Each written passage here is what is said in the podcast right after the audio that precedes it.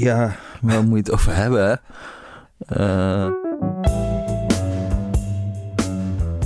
Dames en heren, trouwe luisteraars van de Rudy en Freddy Show. welkom. We zijn er weer. Ja, Jesse, ja. wat is er gebeurd? Ja, ik lag er even af van de, van de acute Rona. Ik kreeg hem een beetje vertraagd. Twee jaar heb ik eh, gewoon, nou ja, toch de meest vuige reefs afgelopen. nee, ik heb helemaal niks gedaan. Nee, maar ja, nee, ja, ik wist het ook wel. Het voelde ook al, ik was in een situatie beland met een correspondentfeestje... waarvan ik eigenlijk al wist, dit is een superspread event. Als ik het nou niet De krijg... Chinese schubdieren liepen over de dansvloer. En ik dacht, nou, die gaat gewoon de Rona ga ik, ga ik gewoon krijgen. Nou, en dat bleek ook inderdaad het geval te zijn. Ja. Maar het viel me toch een beetje tegen. Ik dacht, eh, Pfizer die gaat me toch wel eh, drie van die prikken. Dan moet je toch wel eh, iets kunnen hebben. Maar ik was toch wel best wel een beetje ziek. Je lag Aan anderhalve week ook. Vond, het, vond dat ook vooral, eh, vooral lang. Ja, ja. Dus dat heeft ook tot gevolg gehad dat deze podcast, de Rudy en Freddy Show, die overigens wordt mogelijk gemaakt door de correspondent. Oh, is dat zo? Eh, Maar wat kost dat dan ja, het schiet er niks binnen, ja. Nee, ja, de prijs is wel omhoog gegaan trouwens, of niet? Moet je niet zeggen. Oh, sorry. Nee, de prijs is gewoon nog steeds zeer schappelijk. ja. Je maakt het mogelijk door lid te worden van de correspondent. Dat even geheel terzijde. Ja. Eh, wordt gewaardeerd. Yes, Sam. ja. Ehm, maar er was ook een ander leuk nieuwtje. Wat daardoor een beetje overschaduwd raakte. ja. Want ik mag jou feliciteren, geloof ik. ja.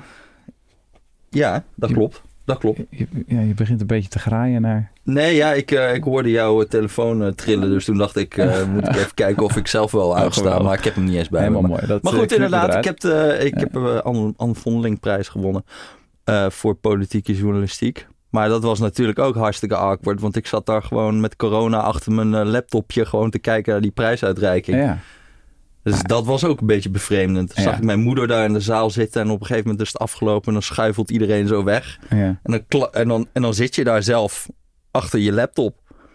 Arme jongen. Dat was heel Ja. triest. Maar ik wil er toch nog even bij stilstaan. Anne Vondelingprijs voor politieke journalistiek. Ja. Wordt jaarlijks uitgereikt.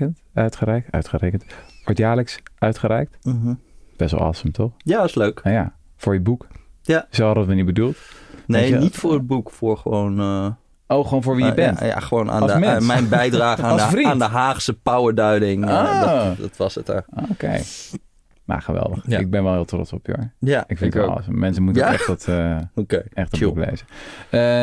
Jullie hoorden daar al heel even het zoetgevoiste geluid van de grootste vriend van de podcast. Jezus. Eh, ja, wij krijgen heel regelmatig berichten van wanneer komt hij weer? We willen hem wel horen. ja. De eloquentie himself. Jammer mommers. Hey, jammer mommers. Hallo. Daar is hij weer. Ja. Ja, geweldig. Ja, ik denk dat jij wel degene bent die het vaakst is aangeschoven bij ons.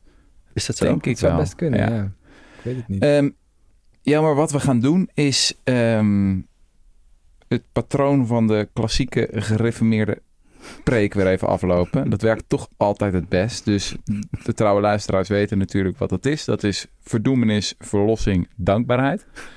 En dat gaan we doen. Oh. Dat is bloedserieus dit. Ja, ja, ja. Verdoemenis, verlossing, dankbaarheid. En dat beginnen we dan natuurlijk eh, met het klimaat. Eh, jouw specialiteit. En toen dacht ik, ja, er is eigenlijk alle reden om behoorlijk depressief te zijn. Eh, ik heb eventjes een klein beetje research gedaan. Een recente peiling. Onder 10.000 eh, jongeren van 16 tot 25 jaar oud in 10 landen werd gevraagd wat ze vinden van klimaatverandering. Meer dan de helft zei dat de mensheid is ja, verdoemd. Mhm. Eh driekwart zei dat de toekomst doodeng is. 55% zei dat ze minder mogelijkheden zouden hebben om zich te ontplooien dan hun ouders. 52% zei dat hun eigen familie in gevaar zou komen. En nog eens 39%, 39% twijfelde of ze wel aan kinderen moesten beginnen. Eh, nou, voor mij persoonlijk is dat al te laat. Voor Jesse kunnen we dat nog eh, voorkomen. Ja. Ehm, ik kwam ook andere dingen tegen van bijvoorbeeld een groep in Duitsland die ehm, van, van jonge activisten die op hongerstaking waren. Die noemden zichzelf The Last Generation, weet je wel. Hm. Ja, hoe zeg je dat in Duits? De laatste generation. Waarschijnlijk. Ehm, we hebben natuurlijk eh, actiegroepen als Extinction Rebellion. Nou, die naam zegt het al een beetje. Ja. Eh, opgericht door Roger Hallam, als ik dat goed uitspreek. Ehm, die had een recente praatje Advice to Young People as They Face Annihilation. Hallo. En, en die, die zegt ook van ja, we moeten echt ja, in enkele jaren, zo niet maanden, de uitstoot naar nul krijgen. Volledig afstappen van fossiele energie, anders is het te laat. Ja. En dan lukt het gewoon niet meer. Ehm, als jij dat soort berichten voorbij ziet komen van verdoemenis, hel, we moeten nu of anders te laat. Wat, wat denk je dan als klimaatcorrespondent? Ja, ik denk dan dat het, eh, dat, dat veel te ver gaat. Ehm, ik denk, je hebt net wel een soort spectrum geschetst. Je hebt die, die jonge mensen met hun zorgen. Mhm. En dan heb je inderdaad Roger Hallam, dat is wel echt een beetje een uiterste. Mhm. Ehm, maar om die meteen maar eventjes eh, te bespreken. Wat, hij is dus een van de medeoprichters van Extinction Rebellion in het Verenigd Koninkrijk. Ehm, en ik heb niet het idee dat hij nog spreekt namens Extinction Rebellion. Hm. Dus volgens mij wordt wat hij dan zo zegt... van dat de mensheid echt op het punt staat uit te sterven... wordt niet gedeeld door zeg maar, de groegemeente van activisten... die zich bij XR hebben aangesloten. Maar het is wel een belangrijke stem. En, en hij, hij is iemand, en er zijn meer mensen die op die manier praten over dit probleem... die zeker wel invloed hebben op jonge mensen. Ja. En op activisten. En ik denk volledig de verkeerde dingen zegt. Hm. Ik heb me eigenlijk al vanaf het begin dat ik over klimaatverandering schrijf... verzet tegen het idee dat klimaatverandering een apocalyptisch probleem is. Het is een graduele verslechtering van allerlei dingen. Van eh, extreem weer tot eh, extreme temperaturen tot eh, zeespiegelstijging. Maar dat gaat in stapjes. Mhm. En er is niet één moment dat zeg maar doek valt. Mhm. Day after tomorrow. De day after tomorrow-achtige dingen. Er zijn wel gevaren van bijvoorbeeld kantelpunten. Daar, daar gaat het dan vaak over in het debat. Van als je die overgaat, dan kun je niet meer terug naar een vorig stadium van hoe het klimaat zich eh, houdt, zeg Ja, maar. de tipping points. Tipping points. En dat zijn reële gevaren. Maar ook zelfs daar ehm, gaan die dingen niet van de een op de andere dag. En zelfs als we tipping points voorbij gaan, bijvoorbeeld dat er eh, uit permafrost eh, eh, in de toendra-gebieden meer koolstof en methaan verdwijnt dan nieuwe planten in die gebieden weer vastleggen. Dat is een van die tipping points. Zelfs dan is het niet zo dat we ineens hier in Nederland de tent moeten sluiten en dat, dat wij allemaal doodje leggen. Hm. Dus dat is een verkeerd beeld, denk ik, wat mensen projecteren op dit probleem. En daar komt nog een beeld bij. En dat is het idee van tijd. Dus de tijd dringt. Dus we hebben een anderhalve graad doel. We hebben een twee graden doel. En als je te lang doorgaat met uitstoten, dan kun je die doelen niet meer halen. Dus moet je inderdaad op een gegeven moment echt naar nul uitstoot toe. Nou, daar kun je sommetjes voor maken. En inderdaad, als je, als je ervan uitgaat dat we eh, later deze eeuw eh, niet zomaar gebruik kunnen maken van eh, uitstootcompensatie. Dus dat we dingen die we nu verkeerd doen ook niet meer goed kunnen maken later in de eeuw. Ja. Dan moet je inderdaad heel snel eh, naar, naar nul als je de anderhalve graad bijvoorbeeld nog wil halen. En daar kom je op een punt dat je eigenlijk moet zeggen, als je kijkt naar wat er nu voor investeringen worden gedaan in fossiele energie nog, dat je misschien wel kunt constateren al, en dat heb ik ook laatst gedaan op de correspondent, dat we dat anderhalve graad doel niet meer gaan halen. Maar wat er is gebeurd is omdat mensen denken dat anderhalve graad betekent als we dat passeren, dat we allemaal in de hel en verdoemenis belanden, Mhm. worden ze dus volledig wanhopig. Omdat die anderhalve graad een soort van finale grens is geworden in het hoofd van mensen. En als je die dan passeert, dan, eh, dan is het over. 1,1. Ja, even voor En de context, waar dus zitten we nu op? Hoeveel graad? 1,1. En Ja. in het akkoord van Parijs van 2015 was als doel vastgesteld van in principe willen we het proberen binnen de anderhalve graad. Substantially below, zoiets ja, toch? Ja, sowieso Gewoon onder niet- de twee. En Ja. ehm, eh, met een poging om tot anderhalve graad te Ja. beperken. Als we anderhalve graad wel halen, wat dus lijkt te gaan gebeuren, wat, wat, wat gebeurt er dan? Als we die anderhalve graad passeren, ja, dan worden dus dingen die, die je nu al ziet, bijvoorbeeld zoals extreem weer, hittegolven, die worden erger. Mhm. Ehm, eh, bij anderhalve graad gaan eh, nog heel veel meer koraalriffen die, we, die, die eh, in de oceanen ehm, eh, gaan verdwijnen. bij twee graden zijn ze allemaal verdwenen, ongeveer. Ja. Nou, dat is, dat is dus een heel belangrijk verschil. En, en dan denk je misschien, ja, koraalrif, wat heb ik ermee te maken? Maar dat is, koraalriffen zijn de kraamkamer van de zee. Dus heel veel leven in de zee, dat ontstaat daar en dat gedijt Hm. daar. Eh, dat zijn van die belangrijke dingen, maar ehm, het, het gaat voor alle effecten die klimaatverandering veroorzaakt. Dus het gaat over opwarming, over het smelten van ijs, over extreem weer. Al die dingen ehm, eh, worden erger van anderhalf graad naar twee graad. Maar het is dus niet een soort van ineens een hele andere wereld. Het is Hm. gewoon een graduele verslechtering. Ja. En ehm, eh, ja, dat is, dat is zeg maar. Dus ik zeg niet van we moeten niet meer proberen om die anderhalf graad te halen. Ik denk dat we het wel moeten doen. Ja. En als we die passeren, moeten we kijken of we tot 1,7 kunnen beperken in plaats van 1,8 enzovoort. Ja, ja, ja. Maar je moet nooit doen alsof als je één deadline niet haalt, de hele wereld eh, eh, naar de kloten is. Want Ja. dat is gewoon een onverstandige manier van het probleem framen, omdat je dus ook die grens eh, misschien zult passeren. En dan zegt iedereen, hé, hey, maar ik kan nog steeds eh, op vakantie. Ja. ja, ja, ja. Elke, het is niet een soort van eh, grens die je overgaat. Het is gewoon gradueel. Alles is beter, minder, zeg maar. Ja, exact. Ja. Iedere 0,01 graad telt. Ja. Ja, maar kijk, ik snap dus wel. Kijk, dus ik denk dat dit, dit soort, dus dat beeld van die apocalyps, het beeld van tijd, dat zit denk ik ook in het hoofd van, van jonge generaties waar je mee begon, die dus zich Mhm. heel erg zorgen maken. Ehm, eh, ik denk zelfs als je die idee loslaat, ik heb er dus bijvoorbeeld wat minder last van, dat apocalyptische denken, maar dan nog kan je heel erg zorgen maken. En dan nog begrijp ik dat mensen angstig zijn over de toekomst en ehm, eh, eh, dan nog is klimaatverandering een enorm probleem. Het Hm. is alleen geen existentieel probleem, denk Hm. ik. Maar goed, ik kan het ook mis hebben. Hè? Dus Ik dat, vind- is, dat is een beetje het spectrum. Voor mijn gevoel is het soms ook opmerkelijk dat zeg maar, die echt apocalyptische taal, die wordt dan geuit door ja, toch vaak vrij jonge geprivilegeerde mensen in westerse landen, waarvan ik me heel moeilijk kan voorstellen dat zij specifiek de problemen gaan ervaren. Het is toch vooral ja, als je Sub-Saharisch Afrika woont en de voedselprijzen vliegen omhoog en de hittegolven denderen over je heen. Ja, dat is, dat is apocalyptisch. Maar ja, Greta Thunberg die zal niet zo snel in een hongersnood terechtkomen, toch? Of die, die activisten in Duitsland waar ik het over had, die dan vrezen van, weet je wel, in, in, onze, in ons leven gaan we nog de meest ernstige dingen meemaken. De realiteit is toch dat juist de rijke landen zich nog vrij goed zullen kunnen beschermen. Ja, dat, dat denk ik ook. Dat is ook de tragiek ervan. Ehm, maar wat wel lastig is te overzien, is hoe al die effecten in elkaar grijpen. Hm. Dus als je bijvoorbeeld ehm, meer droogtes hebt, maar ook meer overstromingen, waardoor landbouw eigenlijk moeilijker wordt, wat je nu al ziet.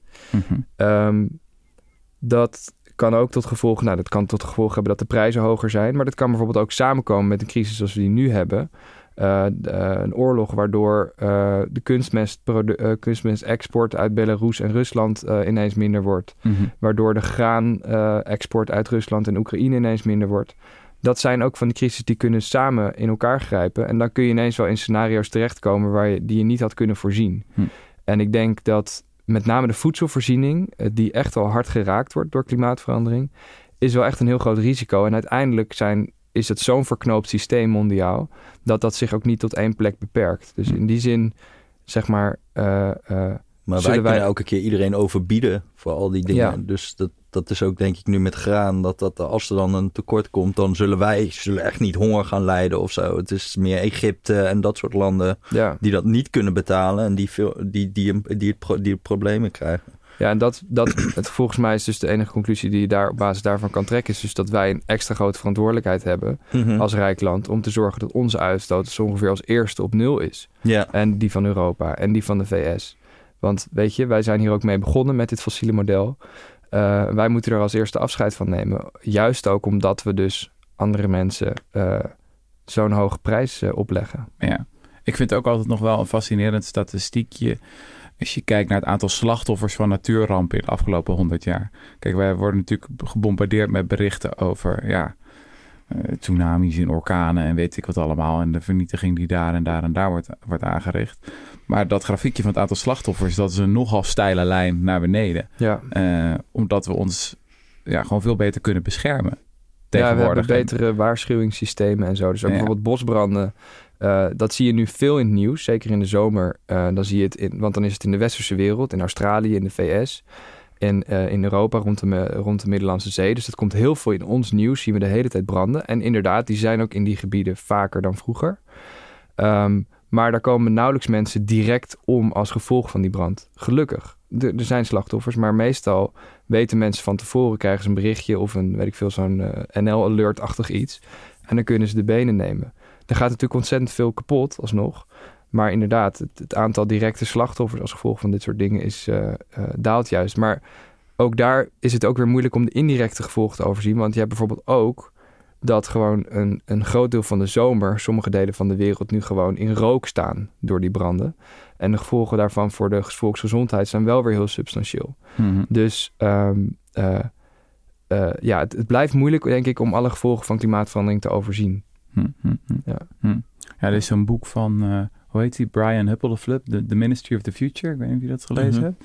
Dat ja, Kim helemaal- Stanley Robinson, Ja, ja, ja. science fiction eh, schrijver. Oh ja, ja, ja. ja. En ehm, dat heeft zo'n... Is dat een spoiler? Nee, dat kan ik wel zeggen. Dat is redelijk aan het begin van het, van het boek. Het is, ja, het is echt climate fiction. Dus Ja. probeert hij na te denken van... wat is de impact van klimaatverandering en hoe gaat dat lopen? En hij schetst het scenario waarin er in India een vreselijke, vreselijke hittegolf is. Die Ja. echt miljoenen slachtoffers eist over... Ja, wanneer is het dan? Over 10, 20 jaar Best, eh, Ehm, ja. omdat er, er zijn nu al plekken op de wereld waar het zo heet kan worden dat je gewoon niet meer buiten kan zijn.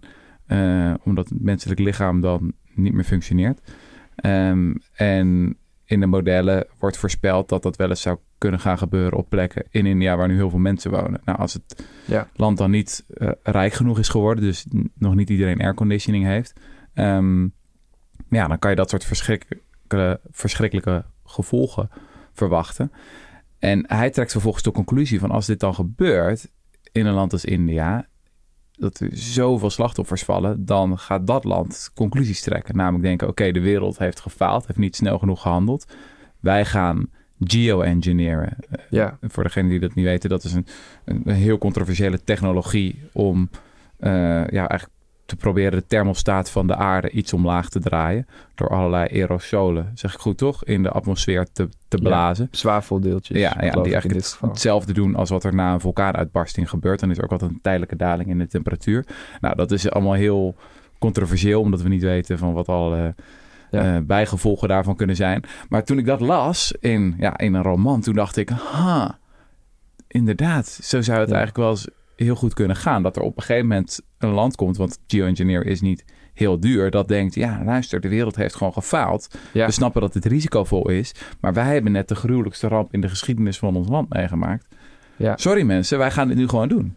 Het is een beetje een eh, gekke, gekke reactie op een mondiaal probleem. Dat één land dan inderdaad zo zijn conclusies zou trekken. Ja. Maar het is inderdaad niet ondenkbaar. En dat is ook een van de risico's van geoengineering. Dat als die techniek er is en eh, dat dan een kle- relatief klein land, het kan zelfs een eilandstaatje zijn, kan zeggen we gaan het gewoon doen. Ja, Een willekeurige miljardair die eh, Ehm, ja. zoiets heeft van... hé, mijn privé-eiland eh, gaat verdwijnen. We gaan het gewoon zo We gaan eens even een nog, vliegtuigje... want het zou een paar miljard kosten, toch? Of zo, omdat... eh, Ja, dat weet ik niet. Het Nou ja. probleem daarvan is dat je het ook moet blijven doen. Dus het Ja. is niet iets wat je één keer in de lucht spreekt en dan eh, eh, koelt het eh, permanent af. Je moet het, Dus het is een ongelooflijk onzalig idee. Ehm, maar wat ik ook interessant vond in, in die roman, en ik ben er trouwens niet helemaal doorheen gekomen, want ik vond hem voor een, voor een wat dan als een roman eh, wordt verkocht, wel behoorlijk eh, eh, eh, eh, taai. Twee Mhm. sterren hoor je hier. Ja. ja, het is wel fascinerend. Het boeide me heel erg. Maar ik vond het ook een beetje een, een, eh, erg theoretisch bij Vlagen.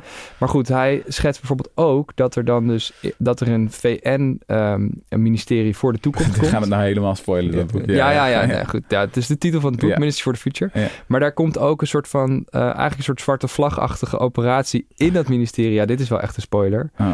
Ehm, dus dat mensen eigenlijk buiten de, buiten de gebaande paden, dus proberen eh, buiten de officiële wegen, toch hun zin te krijgen. Dus eigenlijk ook dat er geweld wordt gebruikt, dat mensen worden gegijzeld Mhm. Mhm. eh, om, om een snelle verandering af te dwingen. En ehm, het gekke daarvan is dus, zo gauw die daarover schrijft, denk ik, ja, natuurlijk zou het zo kunnen gaan. Eh, het is helemaal niet ondenkbaar dat eh, als die problemen verder uit de hand lopen, dat, dat er dan ehm, eh, dat mensen daarop gaan reageren op, op manieren die we ons nu nog niet kunnen voorstellen. Hoe heet dat boek alweer van How to Destroy a Pipeline of zo? Ja, How to Blow Up a Pipeline Ja. van eh, Andreas Malm, Ja, geloof ik. En, ja, die gewoon Ja. de, de vraag op tafel legt. Dat is een filosoof of zo, of een Ja. denker die zegt van... luister, ja, op welk punt gaan we dingen doen gewoon buiten de gebaande paden? sabotage, Ja. pijplijnen opblazen. Of, Maar eh, dat is toch eigenlijk ook een beetje gek dat allemaal mensen roepen dat de hele wereld eh, ten onder gaat en dat we eigenlijk nog helemaal geen geweld zien. Dat zegt mij Ja. eigenlijk ook wel dat ze het zelf niet helemaal serieus nemen. Ja, sorry. Nou ja, of ze zijn heel terughoudend. Maar gel- of gelukkig zijn er maar weinig die zoals Roger Helm denken dat het echt, Ja, eh, ja, ja, eh, precies. dat het echt over annihilation gaat binnen vijf jaar. Want nu staan we op gewoon, ik geloof, het zeg ik even uit mijn hoofd hoor, maar dat die IEA zei van met stated policies dat we op 2,7 graden of zo afkoersen. Ja, dat is... eh, de, ja. eh, de, de Internationaal Energieagentschap. Ja, En dat was al wel een stuk beter dan zeg maar een paar jaar geleden. Maar het is natuurlijk nog langer niet anderhalf graad of zo. Uh, nee, het is... Dus is het nou, oh, moeten we nou blij zijn? zijn? Gaan we de goede kant op of ga, is het nog steeds gewoon... Nou, ik denk dus dat, we, dat, we, dat er zowel redenen zijn om te denken dat het de goede kant op gaat als de verkeerde kant op. Maar om, om te beginnen met de, de goede kant. Toen je een paar jaar geleden, dus uh, uh, 2019 zeg maar, um, als je dan keek naar waar zouden we uitkomen als overheden al het beleid wat ze zich hebben voorgenomen uitvoeren, Mhm. dan kwamen we tussen de 3 en 4 graden opwarming. Nu is dat minder dan 3, dus inderdaad IEA komt dan op 2,7. Nou, dat ligt zo'n beetje tussen daar rond. Um, dat betekent dus dat overheden in de tussentijd plannen hebben gemaakt. Of dat er redenen zijn om aan te nemen dat technieken die we nu hebben op grotere schaal kunnen worden gebruikt. Waardoor we dus sneller van die fossiele brandstoffen af kunnen. En uh, dat is dus wat mij betreft wel degelijk heel goed nieuws. En dat is ook in hele korte tijd veranderd. Ja, 2019. En, ja. Toen verscheen jouw boek toch ook? Hoe ja. gaan we dit uitleggen? Ja, exact. Ja, het is niet heel veel later. Nee, en nu... Ik, precies. Dus, en dat, dat zie je eigenlijk over de hele linie. Dat uh, uh, uh, ook bijvoorbeeld uh, de, de opkomst van zonne-energie en windenergie. Dat ging al een hele tijd heel snel. Die dingen werden al heel veel snel goedkoper. En dat gaat ook alleen maar sneller door. Um, uh, er komt bij dat batterijen nog steeds veel goedkoper worden. Er Mhm. komt bij dat waterstof, um, dat daar steeds meer in wordt geïnvesteerd. Om te, omdat is eigenlijk een energiedrager. Hè? Dus net als een batterij, daar kun je bijvoorbeeld zonne-energie of windenergie kun je omzetten in waterstof. En dan gebruik je de waterstof vervolgens om een fabriek te laten draaien of uh, om uh, stroom op te wekken. Um, en dan heb je ook nog dat er nu de laatste tijd, de laatste jaren, veel meer is geïnvesteerd en veel meer onderzoek is gedaan en veel meer bedrijven actief zijn geworden in um, wat dan in het jargon demand-side management heet. Maar dat betekent gewoon dat je flexibeler omgaat met wanneer je stroom gebruikt. Mm-hmm. Um, uh, dus dat bijvoorbeeld fabrieken tijdelijk afschakelen als er weinig uh, zon schijnt of als, er, als de wind uh, wat, wat langere tijd wat lager staat, zeg maar. Um, en met dat soort, en dan kun je ook nog veel meer verbindingen leggen tussen landen, zodat als het in Oost-Duitsland wel waait, maar bij ons even niet, dat wij dan die stroom kunnen krijgen.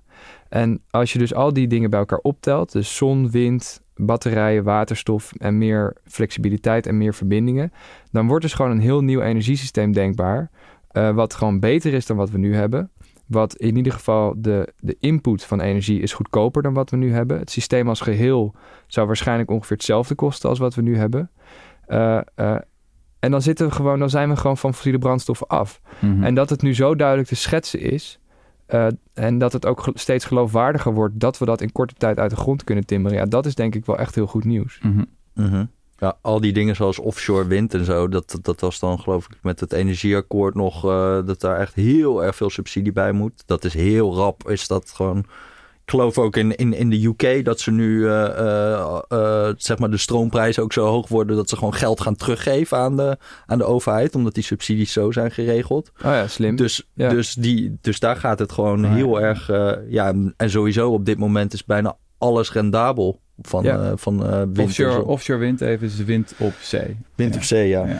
Ja, en ook ehm, eh, eh, zeg maar duurzame energiebronnen zijn eh, in de meerderheid van de landen al nu al de goedkoopste bron van nieuwe stroom. En over een paar jaar zijn ze overal de goedkoopste bron van nieuwe stroom. Maar dus ook en vooral in landen in de tropen waar we ze heel veel zon hebben. Mhm. Ehm, dat is dus echt ontzettend goed nieuws als je het eventjes teruggrijpt op wat jullie net zeiden van, of wat je net zei van die, die gevolgen, die worden vooral daar gevoeld. Mhm. De grootste eh, belofte eigenlijk voor een schoon energiesysteem ligt ook daar. Ik bedoel, Nederland heeft best veel zee. Wij kunnen met windenergie best een heel eind komen, maar we zijn niet een heel zonnig land. Um, maar er zijn heel veel landen die juist nu uh, eigenlijk uh, uh, snel zich willen ontwikkelen. Mhm. En die juist gebruik kunnen maken van deze dingen. En Mhm. volgens mij uh, is dat ook een hele interessante geopolitieke verschuiving. Omdat het eigenlijk een hele nieuwe bron van welvaart zou kunnen betekenen voor hele grote groepen landen die eigenlijk een sprong kunnen maken. Ja. Um, en ja, dat Vraag dat me wel altijd af wat voor, als, als je dat Maite had zo'n podcast over in Nigeria dat energiesysteem. Nou, ja, dat is Maite het- Vermeulen, onze Maite collega. Vermeulen, ja.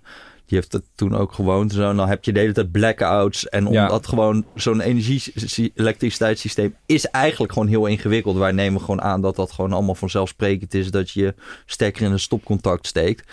Maar er moet, alles moet eigenlijk goed gaan. Ja, En als daar gewoon iets misgaat in dat hele systeem, ja, dan gaat, dan, gaat het, dan gaat het uit. En dan iedereen heeft dan zijn eigen dieselgeneratoren daar staan om dan weer Ja. op te vangen dat dat misgaat.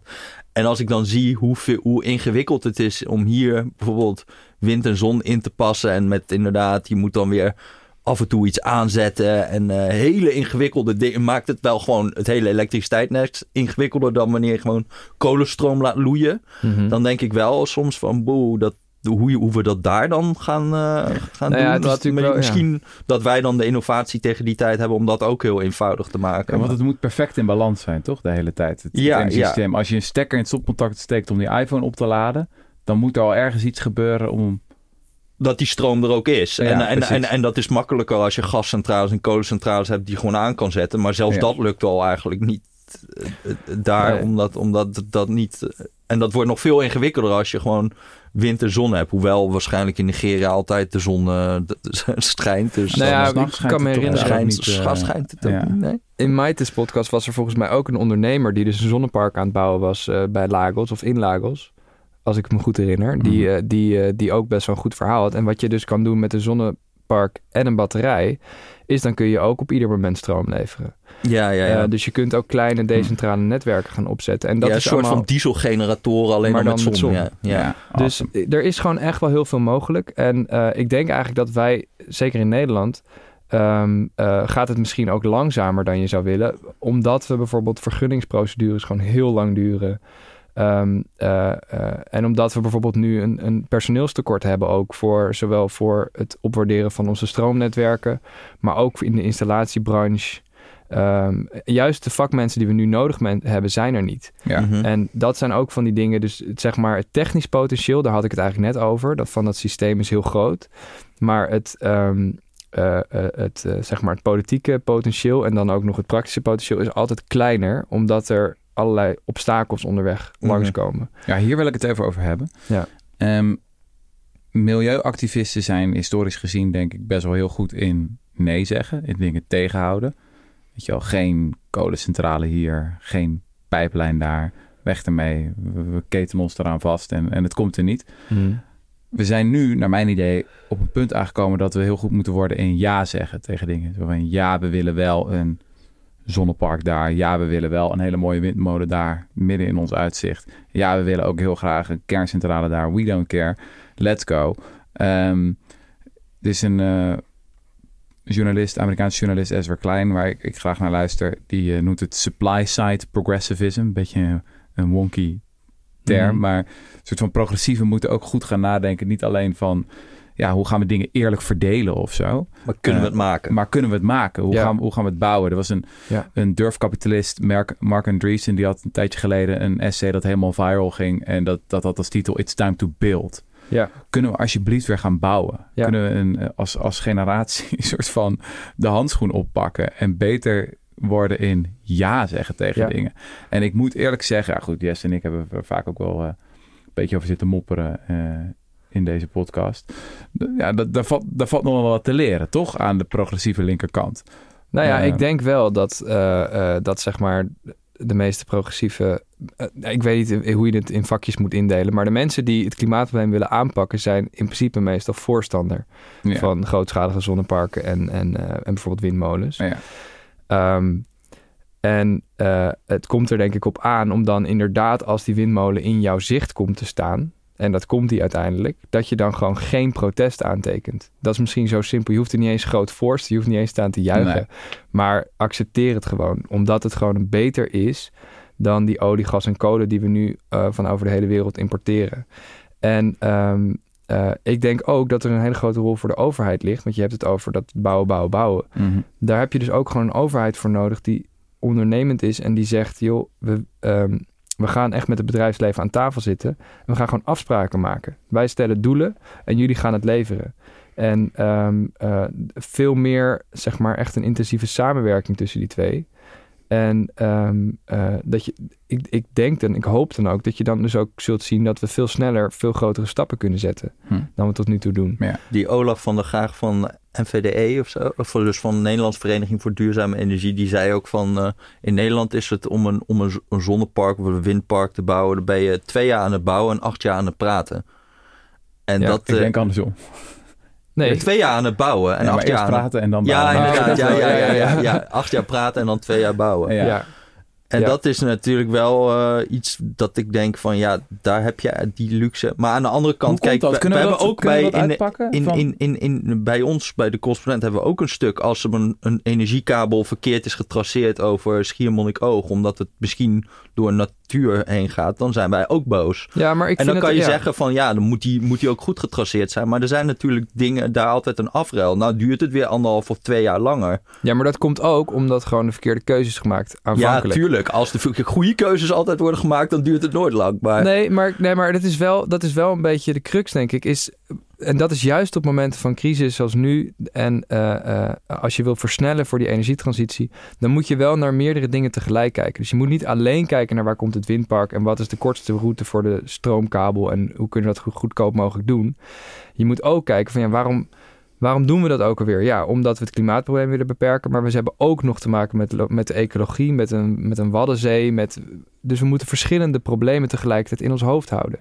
En dan keuzes maken. En volgens mij, eh, als je dat dus slim doet, hoeft het helemaal niet ehm, eh, duurder of moeilijker of langer te duren. Alleen je moet wel gewoon het overzicht houden van welke problemen probeer ik allemaal aan te pakken. En het kan zijn dat je een afruil tegenkomt, bijvoorbeeld een windpark op zee. Zorgt er waarschijnlijk voor dat er lokaal eh, trekvogels zullen sneuvelen. Mhm. Nou, ik kan niet die getallen overzien, eerlijk gezegd. Ik ken die niet, niet goed genoeg. Ehm, maar wat ik, er, wat ik er wel nog van weet, is dat de, ehm, zeg maar de gevolgen van het huidige fossiele systeem zijn voor de ecologie meestal veel zwaarder. ja. Begrijp ik bedoel? Dus eh, olie- en gasprojecten dat zijn, en kolenmijnen, dat zijn ook grootschalige infrastructuurprojecten. Die zijn ook echt niet goed voor de lokale ecologie. Dus je moet keuzes maken. Als je nou alle betrokken partijen gewoon aan het begin van zo'n proces aan tafel zou kunnen krijgen en zou zeggen van nou, we gaan bespreken wat we denken dat de kosten zijn en wat we denken dat de baten zijn. En dat er dan één partij is met doorzettingsmacht, dat zou denk ik de overheid moeten zijn, die gewoon zegt en zo gaan we het doen. Dat moet je toch anders kunnen inrichten dan hoe het nu is. Ja, je Ehm, mag altijd naar de Raad van State. En ze winnen Ja. het ook niet trouwens, hè, maar het is gewoon wel weer. eh, Het kost is allemaal- tijd. Ja, het kost Ja. gewoon allemaal tijd. Ja. Maar eh, ja, overigens, het is echt niet alleen natuurlijk milieuclubs die allemaal zich hieraan eh, juist. Ik denk dat dat, dat is dan ook iets wat we, waar wij een beetje over zitten klagen, omdat dat Ja. ons soort mensen zijn. Maar ja, ik, ik heb. Ik heb nu, nu was het bijvoorbeeld in, eh, in Overvecht Noord, probeert ze met die aardgasvrije wijken. mhm. Dat was in Utrecht. En dan wilden ze een soort van waren een paar eh, flats, geloof ik. En die hadden al geen eh, hadden al een warmtenet. Dus het enige wat ze nog nodig hadden voor aardgas was voor het koken. Ja. Nu waren die kabels dan waren op. En dan wilden ze eigenlijk zeggen: we gaan gewoon jullie van het aardgas afhalen. Ja. Want ja, het is alleen nog voor het koken. Ja.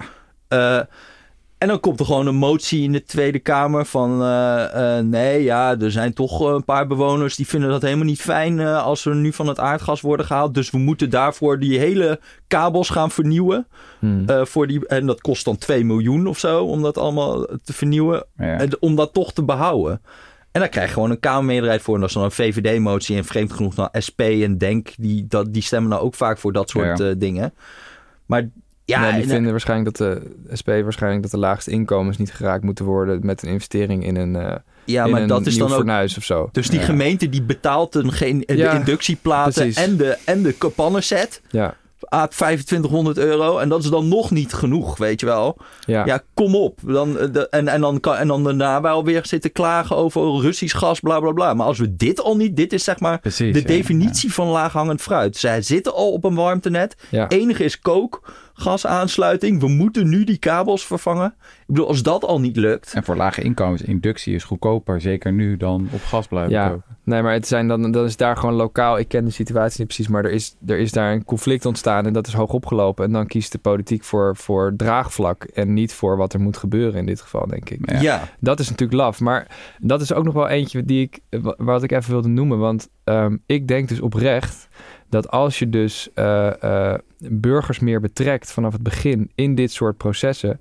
En dat je ze dan ook voor je kan winnen, dat ze inspraak kunnen hebben. En dat je dan gewoon eh, uiteindelijk daar tijd wint. Ehm, dus Eva Rovers komt binnenkort met een, een boekje bij ons. Een pleidooi voor meer burgerberaden, voor directere democratie. Mhm. En ik denk dat dat juist voor dit soort situaties heel goed kan helpen. Eh, omdat nu is inspraak vaak tegenspraak. Ja. Mensen die ergens tegen zijn, die laten zich horen. Maar als je dat anders organiseert, dan kun je ook zo'n heel proces misschien wel beter doorlopen met meer eh, buy-in van iedereen die, die betrokken is, omdat mensen echt mee hebben kunnen praten. Hm. Ja. Hey, en dit alles is eh, nog een stukje urgenter geworden natuurlijk door de oorlog in Oekraïne. Eh, Europa is voor, wat is het, 40% afhankelijk van Russisch gas. We hebben het in deze podcast natuurlijk ook al. Voor haar gasvragen. sorry? Dus alleen voor, voor zeg maar qua, qua alles van 25% van alle energie is gas. Ja, ja, ja. En daarvan 40% is Russisch ja, dat is een goeie. Ja. Ja. Dat is een. Ehm, we zagen al oproepen van, wat was het, Jesse Klaver, die ook zei van zo snel mogelijk stoppen met Russisch gas. Eh, ik zag dat jullie op eh, de correspondent in de bijdragesectie een levendige discussie hadden over van, kan dat? Eh laten we beginnen bij jou, Jelmer. Wat, was, wat is jouw gevoel van, is dit, is dit een aanleiding om eh, nog, nog, nog veel sneller van, van gas af te komen? En hoe zie je de mogelijkheden? Wij kregen ook behoorlijk wat kritiek toen, ook uit Groene Hoek, op onze podcast, dat wij eh, te weinig aandacht hadden besteed aan de mogelijkheden om eh, ja, gewoon, hoe zeg je dat? Te besparen. Zuiniger, zuiniger om te gaan met energie. Ja. Warme truien te dragen. Ja, nou, ik denk dat dat de eerste reactie moet zijn. Is dat je kijkt van hoe, hoe kunnen we gewoon substantieel minder energie gebruiken. En, Mhm. ehm, eh, eh, en inderdaad dat dan al je denkkracht en je mobilisatie als overheid gaat naar hoe kunnen we die energietransitie versnellen als gevolg van dat conflict. Omdat we het nu helder zien en omdat die prijzen zo hoog zijn. Dus dan gebruik je ook dat, die, die hoge prijs als een signaal. Weet je, je, je merkt, oké, we zijn afhankelijk van gas. Dat doet nu pijn. Ehm, en dat wijst ons erop dat hier een probleem is. En we wisten eigenlijk al dat het sowieso een probleem was. Nou, als je nog meer argumenten nodig hebt, ik bedoel, dat zou het moment moeten zijn om, om te versnellen. En om, weet je, richt dan eindelijk, we hadden het net al over die personeelstekorten voor die energietransitie. Richt dan nu, zeg dan nou, we willen versnellen, maar we merken eigenlijk dat we te weinig personeel hebben. Richt dan nu een deltaplan personeel voor de energietransitie op. Ehm, noem het ehm, iets, iets leukers dan dat. Noem ze eh, eh, eh, vrijheidswerkers. Hè? In, in, de, in de trant van die eh, ministerie van Financiën in Duitsland, die zei eh, hernieuwbare energie is vrijheidsenergie. Ja, ja, ja, ja. Richt een, een, een, leger op van, van vrijheidswerkers die, eh, eh, die ons sneller van het Russische gas, gas af gaan helpen. Ja, het Ik fijne is dat dat allemaal al gaat gebeuren. Ik, zat, ik zit al op trends.google en dan kan je altijd zien van hoeveel zoekopdrachten zijn er nu, worden er nu gedaan op bepaalde zoektermen. Als je Mhm. kijkt isolatie, zonnepanelen en eh, eh, wat ik nou neem, warmtepompen. Ja, de hybride warmtepomp, jongen. Ik heb er, dat gaat helemaal door het dak. Ik heb er zelf een. Ik heb enkele keer een cynische opmerking over gemaakt in de, in de podcast. maar als je nu het sommetje gaat maken, jongen, dat ding is echt, eh, heeft een terugverdientijd gekregen van wat is twee het? dagen. Spek open, Nee, ja. maar serieus. Ik denk echt dat je een zieke explosie van verkoop in, in hybride warmtepompen gaat. Tenminste, Ja. als die Ja. prijzen zo blijven. Nou ja, dat is ook zo. Het zijn nu gewoon wacht, wachtrijen. Het probleem is echt niet meer van dat, dat mensen de, dat er geen vraag naar is of zo. Het is net, volgens mij is die vraag totaal geëxplodeerd. Om, door, ook door gewoon, ja, gewoon puur door die prijzen. Hoeft de Puur overheid verder niet allemaal. eh, Nou ja, maar de overheid kan wel een vinger aan de pols houden bij die sector. En zeggen, joh, waar hebben jullie nu tekort aan? Waar hebben jullie nu nood aan? Zodat het sneller kan. ja. Dat, zou, dat bedoelde ja, ik net toen ik zei, zelf betere zo, samenwerking. zo, zo als een gek werven. Die gaan ook proberen alles Tuurlijk, te doen om mensen ja. op te leiden en zo. Nee, met hartstikke dit. goed. Maar dat zijn van die dingen, dus zeg maar, mijn reactie op die, op die hele, eh, eh, op, op zeg maar die, die hoge gasprijs, eh, was inderdaad eh, ehm, een versnelling van die energietransitie. En dat zou het volgens mij het antwoord moeten zijn. En het kan zijn dat je erachter komt van, eh, eh, zelfs als we dat doen, hebben we het over een andere tijdschaal. Want het duurt alsnog een paar jaar voordat we dan veel minder verbruiken. En in de tussentijd eh, moeten we meer LNG importeren, moeten we andere stappen zetten om, om hele heftige tekorten te voorkomen. Maar daar moet je in ieder geval een open debat over voeren. En, en waar wij volgens mij een discussie over hadden, was ik vond dat eh, jouw stuk, Jesse, te snel de conclusie trok van eigenlijk is Groningen het enige wat erop zit. Groningen weer openen. De gaskraan. zijn niet het enige, maar als je gewoon grote posten wil hebben en je wil echt iets bijdragen aan het verminderen van de Russische gasvraag, ja, dan, dan zet zeg maar, dan ben ik helemaal voor energietransitie. Gaat ook sowieso gebeuren nu al. Je ziet dus dat iedereen daar heel erg in gaat investeren, maar dat is niet, daar gaan we niet miljarden kubus mee halen. En elk plan wat je ook ziet, zelfs die Repower EU, wat nou ja, volgens mij behoorlijk wensdenken is Dat is een plan van de Europese van de Commissie. Europese Commissie. Daar zitten ze ook gewoon vol op fossiel. Nog gewoon 50 miljard willen ze kuub eh, aan LNG-gas gaan eh, importeren. Ja, dat hebben ze nu en, uit de en VS. van de eh, 80 miljard die ze gaan halen. En overigens zitten daar ook allemaal dingen in die niet helemaal van meer biogas, uh, mesvergisters en zo, waar we net een motie in de Tweede Kamer van hadden van dat we dat niet meer willen. Nee. Dus nou ja, anyway, ik, ik denk dat als je gewoon dat, daar eerlijk naar gaat kijken, dat we het gewoon echt niet binnen op korte termijn gaan redden met gewoon uh, duurzame energie. En ik, ik bedoel, ik snap, de, ik snap wel de behoefte dat, het, dat we dat heel graag willen, maar dat, dat, ja, nee, maar dus niet alleen met duurzame energie, maar ook met besparing. En met, en met, dus als je op een gegeven moment, volgens mij kun je ook zeggen, joh, um, uh, en dit is een beetje glad ijs, maar ik denk ook van ja, er zijn misschien sectoren in Nederland die gewoon geen toekomst hebben, omdat ze alleen maar op gas draaien. Ja, maar dat vind ik prima, maar dan moet je ook zeggen, we gaan het niet meer gebruiken. En die ja. stap zie ik eigenlijk, kijk, ik bedoel, dat vind ik trouwens, dat vind ik dus ook een beetje gemakkelijk soms van mensen van, nou ja, waarom hebben wij bloemen nodig? Ja, ja, ik vind het wel een beetje, een beetje lomp om gewoon te zeggen... we gaan zo'n hele sector die, die, die 100 jaar zit... ja joh, doe ik het lekker op. Sowieso, gaan, ze, sowieso gaan ze zelf... Uh, gaan ze al allemaal... volgens mij gaat de helft van die tuinbouwkassen gaat failliet op het moment. Ja, die sluiten nu al de deuren. Maar en ook dingen als kunstmest en zo. Hè, dat zijn grote aardgasverbruikers. Ja, die prijs van kunstmest gaat nu compleet door het dak omdat Rusland zelf heel veel kunstmest eh, exporteerde. En in heel Euro het is gewoon eigenlijk vooral gas wat tot kunstmest wordt gemaakt. Dus in Europa staan al die fabrieken al op de helft te draaien. Hmm. Ja, is dat dan heel erg makkelijk om te zeggen, joh, stop daar lekker mee? Want we hebben het wel nodig. En als we het dan toch weer gaan importeren van elders, ja, dan wordt daar gas gebruikt. Dan hebben we ook nog niks verder bereikt. Nee. Nee, ik denk, ik, ik, ik, ik, ik ben met je eens. Dit zijn hele, uh, dit zijn hele taaie dilemma's. Maar wat ik mis is dat, er ook, dat dit ook juist een moment is voor grote gebaren. Dus waarom zeg je dan bijvoorbeeld niet... Nou, die Nederlandse kunstmestfabriek die nog steeds op aardgas draait... Zet daar dan, zet, zeg dan van nou, daar gaan we als overheid... Maakt niet uit hoeveel het kost. Wij willen dat jullie de eerste kunstmestfabriek in Europa zijn... die gewoon helemaal klimaatneutraal is.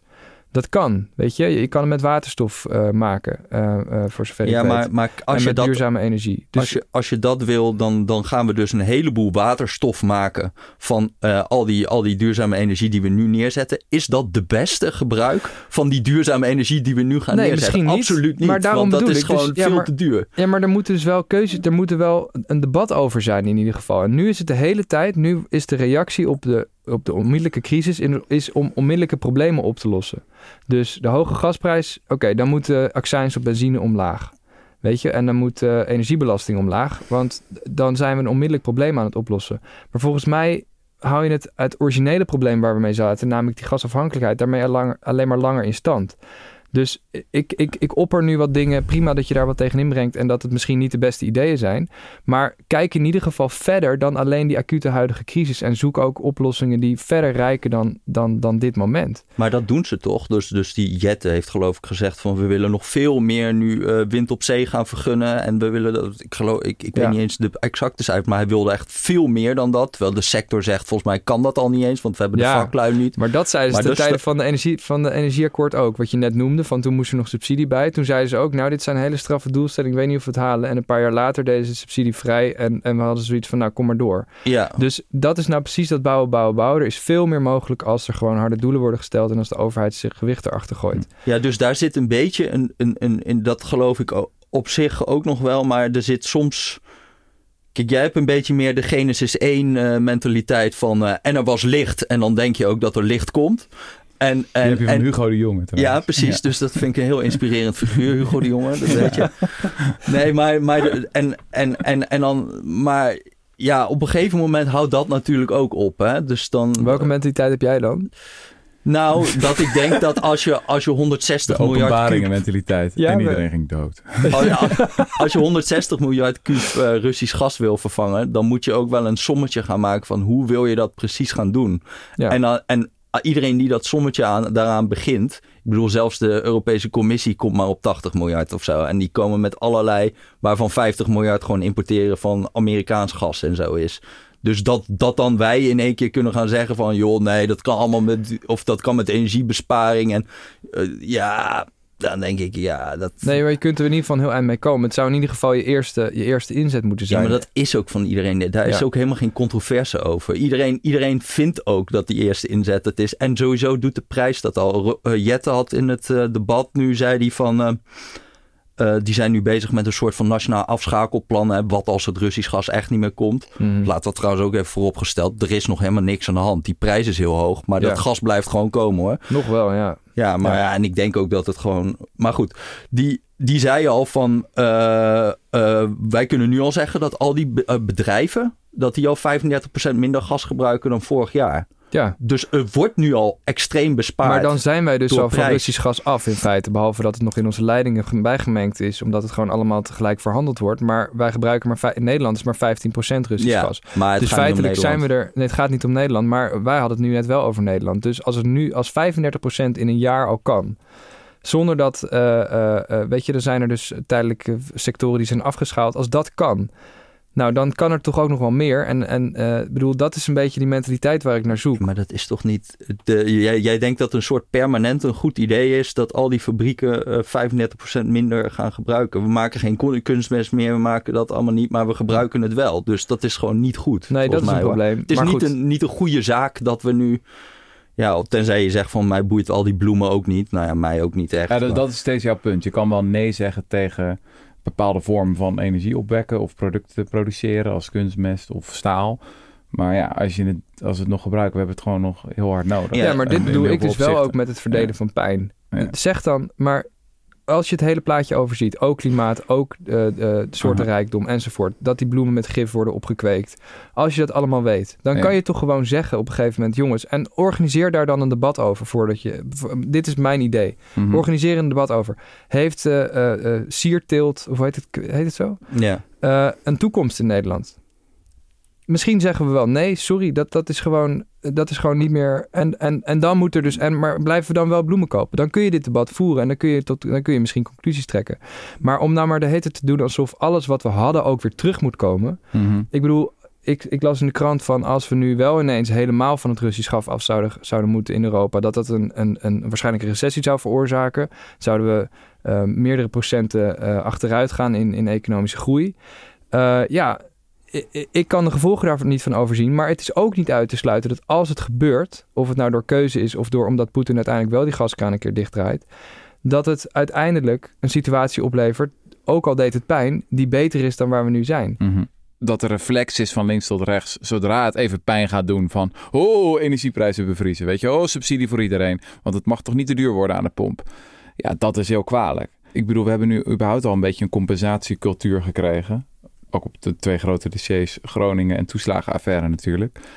Als we dan nu een jaren tegemoet gaan waarin we allerlei pijn moeten gaan slikken. Ja, dan gaan we ook weer allerlei compensatiecircussen optuigen. En nou ja, Jesse heeft over geschreven. We weten hoe complex dat is. Hoe dat Mhm. weer allerlei vertraging. Nou ja, eh, eigenlijk zijn we. Poetin aan het spekken. Dat is ook de, de ironie. Als we met z'n allen gewoon het goedkoper maken om gas en, en olie te gebruiken, wat we dus Ja. doen. Ja, en dat doet elk land in Europa. Hè? Dus elk land doet dat. Dus de vraag wordt alleen nog maar verder aangejaagd. Ja, en wie verkoopt dat spul? Ja, dat is toch weer gewoon Poetin. Dus uiteindelijk ga- gaat al die accijnsen en al die accijnsverlagingen, ja, dat is dat ook gaat al- zijn zak in. Ja, Ja, dat, Ja, het is idioot. ja, het is Ja. eigenlijk gewoon een idioot. ja, ja. Maar ik denk, om heel eerlijk te zijn, dat het gewoon eh, dat iedereen een beetje nu zit eh, tof zit te doen over dat we allemaal van dat gas afgaan van Russisch gas. Gaat gewoon niet gebeuren. Het gaat gewoon, iedereen blijft daarover praten, maar niemand gaat dat. Nee, echt niet doen, onmiddellijk, niet op korte termijn. Maar op langere termijn, of middellange termijn, is het al aan het gebeuren. Dat zei je net ook. En op middellange termijn zie je wel degelijk dat politici ook snappen van... de energietransitie is hier het antwoord op. Ja, ja, ja, dat wel. Ja. Dat wel, ja. Maar ik denk, ja, en, en ze zijn dan gewoon Amerikaans gas eh, gaan. Ja, dat Dat is wordt wel ook behoorlijk ser- Ik denk dat die Duitsers er wel behoorlijk serieus over zijn. Ja, ik denk ja, dat je dat niet moet onderschatten. Dat ze dat echt wel een les geleerd hebben daar. Ja, maar het is, het is, je, je onderschat hoeveel het is. Hè? Ja, 40% zeker, ja. van eh, bij- in, in, in Duitsland, geloof ik, van de gasvraag of meer. Daar nog. is 60 procent. 6%, ja.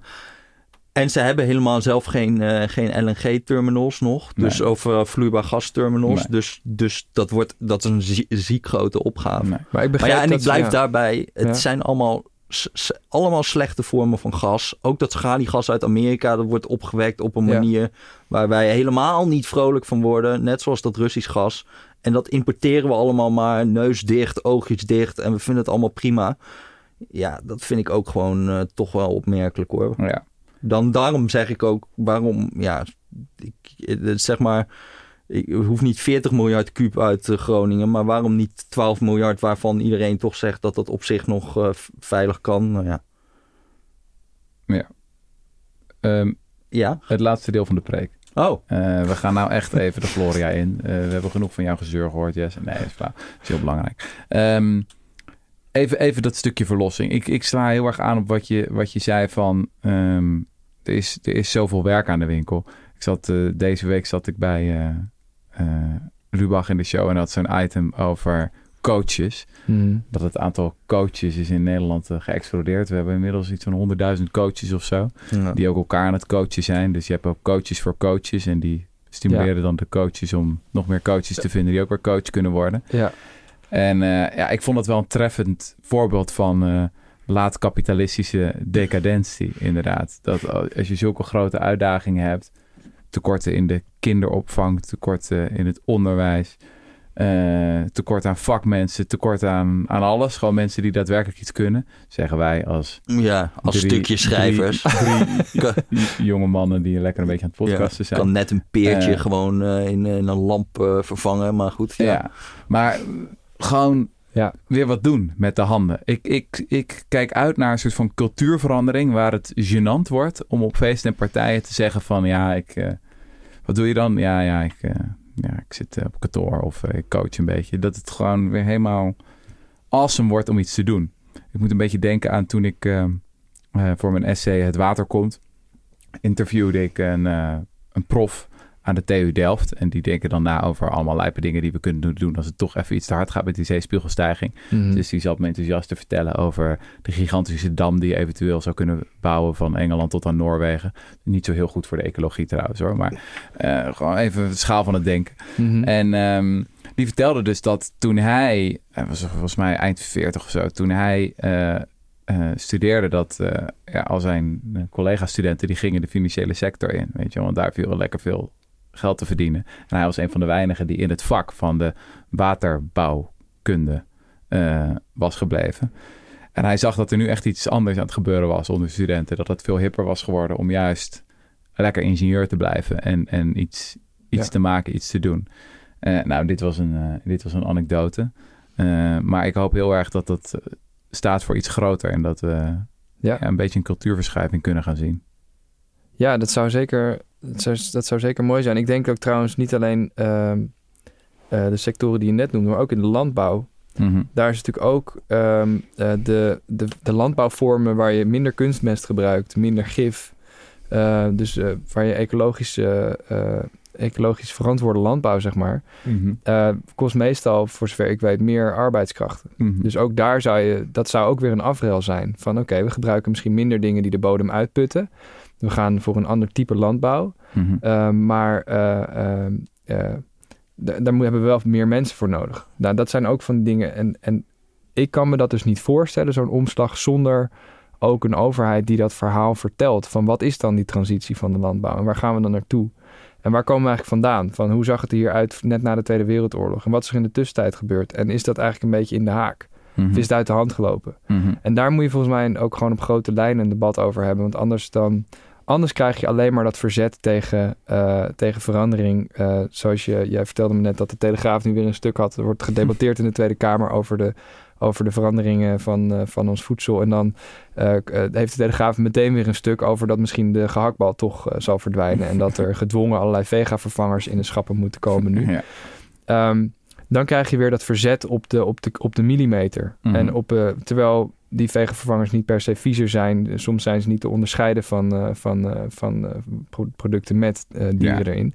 Maar dat zijn van die dingen. Dus je, je hebt een, een groter, wervend en aantrekkelijk verhaal nodig. eh, zo, zo, om die verandering allemaal te kunnen doorvoeren, Ja. denk ik. Maar dat is ook wel een voorbeeld van hoe krankzinnig snel die verandering kan gaan, toch? Ja. Ik wil eigenlijk nog afsluiten. Je wil, maar je, we waren de verlossing, toch? Of de- Ja, ik wil dus met verlossende woorden afsluiten. dan, dan kijk je mij aan. Ja, Nee. nou ja, is goed. Ik kijk naar mijn laptop waar ik iets heb opgeschreven. Nou, kijk, we hebben Ja. ooit de oliecrisis gehad. Hè? En Ja. toen ging het dus gewoon, eh, toen werd het in één keer heel duur. En toen eh, reden we gewoon in auto's die eh, van beton, zeg maar, die één op één reden. ja. En ik denk eigenlijk dat als we gewoon heel eerlijk zijn en we straks terugkijken op deze crisis, dat het gewoon extreem veel goed heeft gedaan voor die hele energietransitie. Mhm. En dat er een heleboel mensen nu aan het nadenken zijn over hoe ze energie kunnen besparen. En dat al het beleid wat we hebben gezien, eigenlijk, ja, dat is ook heel belangrijk geweest. Maar dat dit toch wel even de, de geesten concentreert. En dat is hartstikke goed nieuws. Ja. ja. Ik denk ook, eh, het IEA had het ook over een autoloze zondag. Eh, dat is al genoemd als optie als het echt eh, te, te, te krap wordt. Ja, Dus in die zin gaan we echt terug naar die tijd. ja, ja het wordt wel heel oldschool nu. En dat was dus, de autoloze zondag is iets waar mensen met heel veel plezier op terugkeken. Hè? Skaten op de snelweg. Dat Ja. lachen. Ja. Nou, ik dacht nog, je noemde net al die vooruitgang die er geboekt is in termen van zonne-energie. Is de prijs omlaag gevlogen? Wat is het? 90% goedkoper in de afgelopen 10 jaar. Ja, ik weet ja, Windenergie eh, bizar 70% veel. goedkoper. Batterijen in de afgelopen 30 jaar ook. eh, ja, maar dat, dat is trouwens wel een beetje een probleempje. Dus al die... Hou nou op, Oh, man. ik sorry, zit in oh, sorry. Ja, ik- oh, dit is nikkel wel iets en wat eh, ik- lithium en al Ja. die shit. Het is nu, het is nu ziek duur, hè? Die Ja. nikkelmarkt, dat was trouwens helemaal... Nou ja, goed. Nee, ik wou daar wel ook nog één ding over. Mag ik je... Mag ik je nee, want dat is Ik nou zat al ook- helemaal in de gloria. Nee, maar dat is ook een van de stappen die we moeten zetten. Want inderdaad, bij, voor die duurzame energie heb je ook nog steeds grondstoffen nodig. Dus concentreer je ook serieus op waar komen die nu vandaan. En als 80% Ja, van alle we daar ook nog op zonnepanelen... moeten concentreren. Alle, ja, 80% van de zonnepanelen komt nu uit China. Ja. En, en de geopolitieke verhoudingen verschuiven als Rusland en China nog dichter bij elkaar kruipen. Wat betekent dat dan voor waar wij onze zonnepanelen gaan kopen? En, en, en dat soort zijn ook vragen die volgens mij nu gesteld moeten worden. ja, ja. Sorry Rutger. Nou, wat ik dus dacht.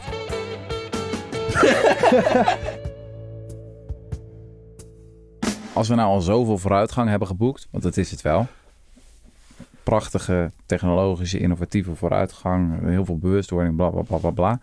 Hebben geboekt in een tijd dat het behoorlijk tegen zat. Weet je, nog eens met zoveel fossiele subsidies, met ook zoveel ja, climate denial, eh, dat van alle kanten komt. Ik bedoel, hoeveel vooruitgang kan je dan wel niet boeken als je die tegenwind niet meer hebt? Dat eh, lijkt me wel awesome ja. om te gaan zien in de komende tien jaar. Ja, Zou nog wel eens hard kunnen gaan, hè, Jesse? Ja, het zou wel zo hard Ja. kunnen gaan. Mooi. Oké, eh, heeft iemand nog wat te promoten? Ja, je hebt een nieuw boek. Ja, ik heb dus eh, eh, een nieuwe editie van mijn boek gemaakt. Dus, het, de eerste versie was uit 2019 en ik heb hem nu net helemaal geactualiseerd.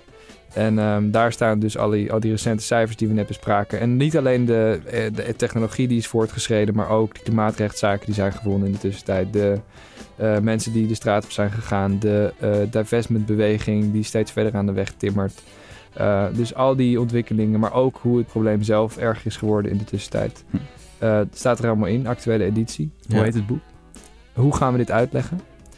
En eh, eh, je kunt het krijgen via decorrespondent.nl slash klimaatboek. Mooi. Tot de volgende keer. Dank jullie wel. Dat ben Veel terrein beslagen, toch? Ja. Ja.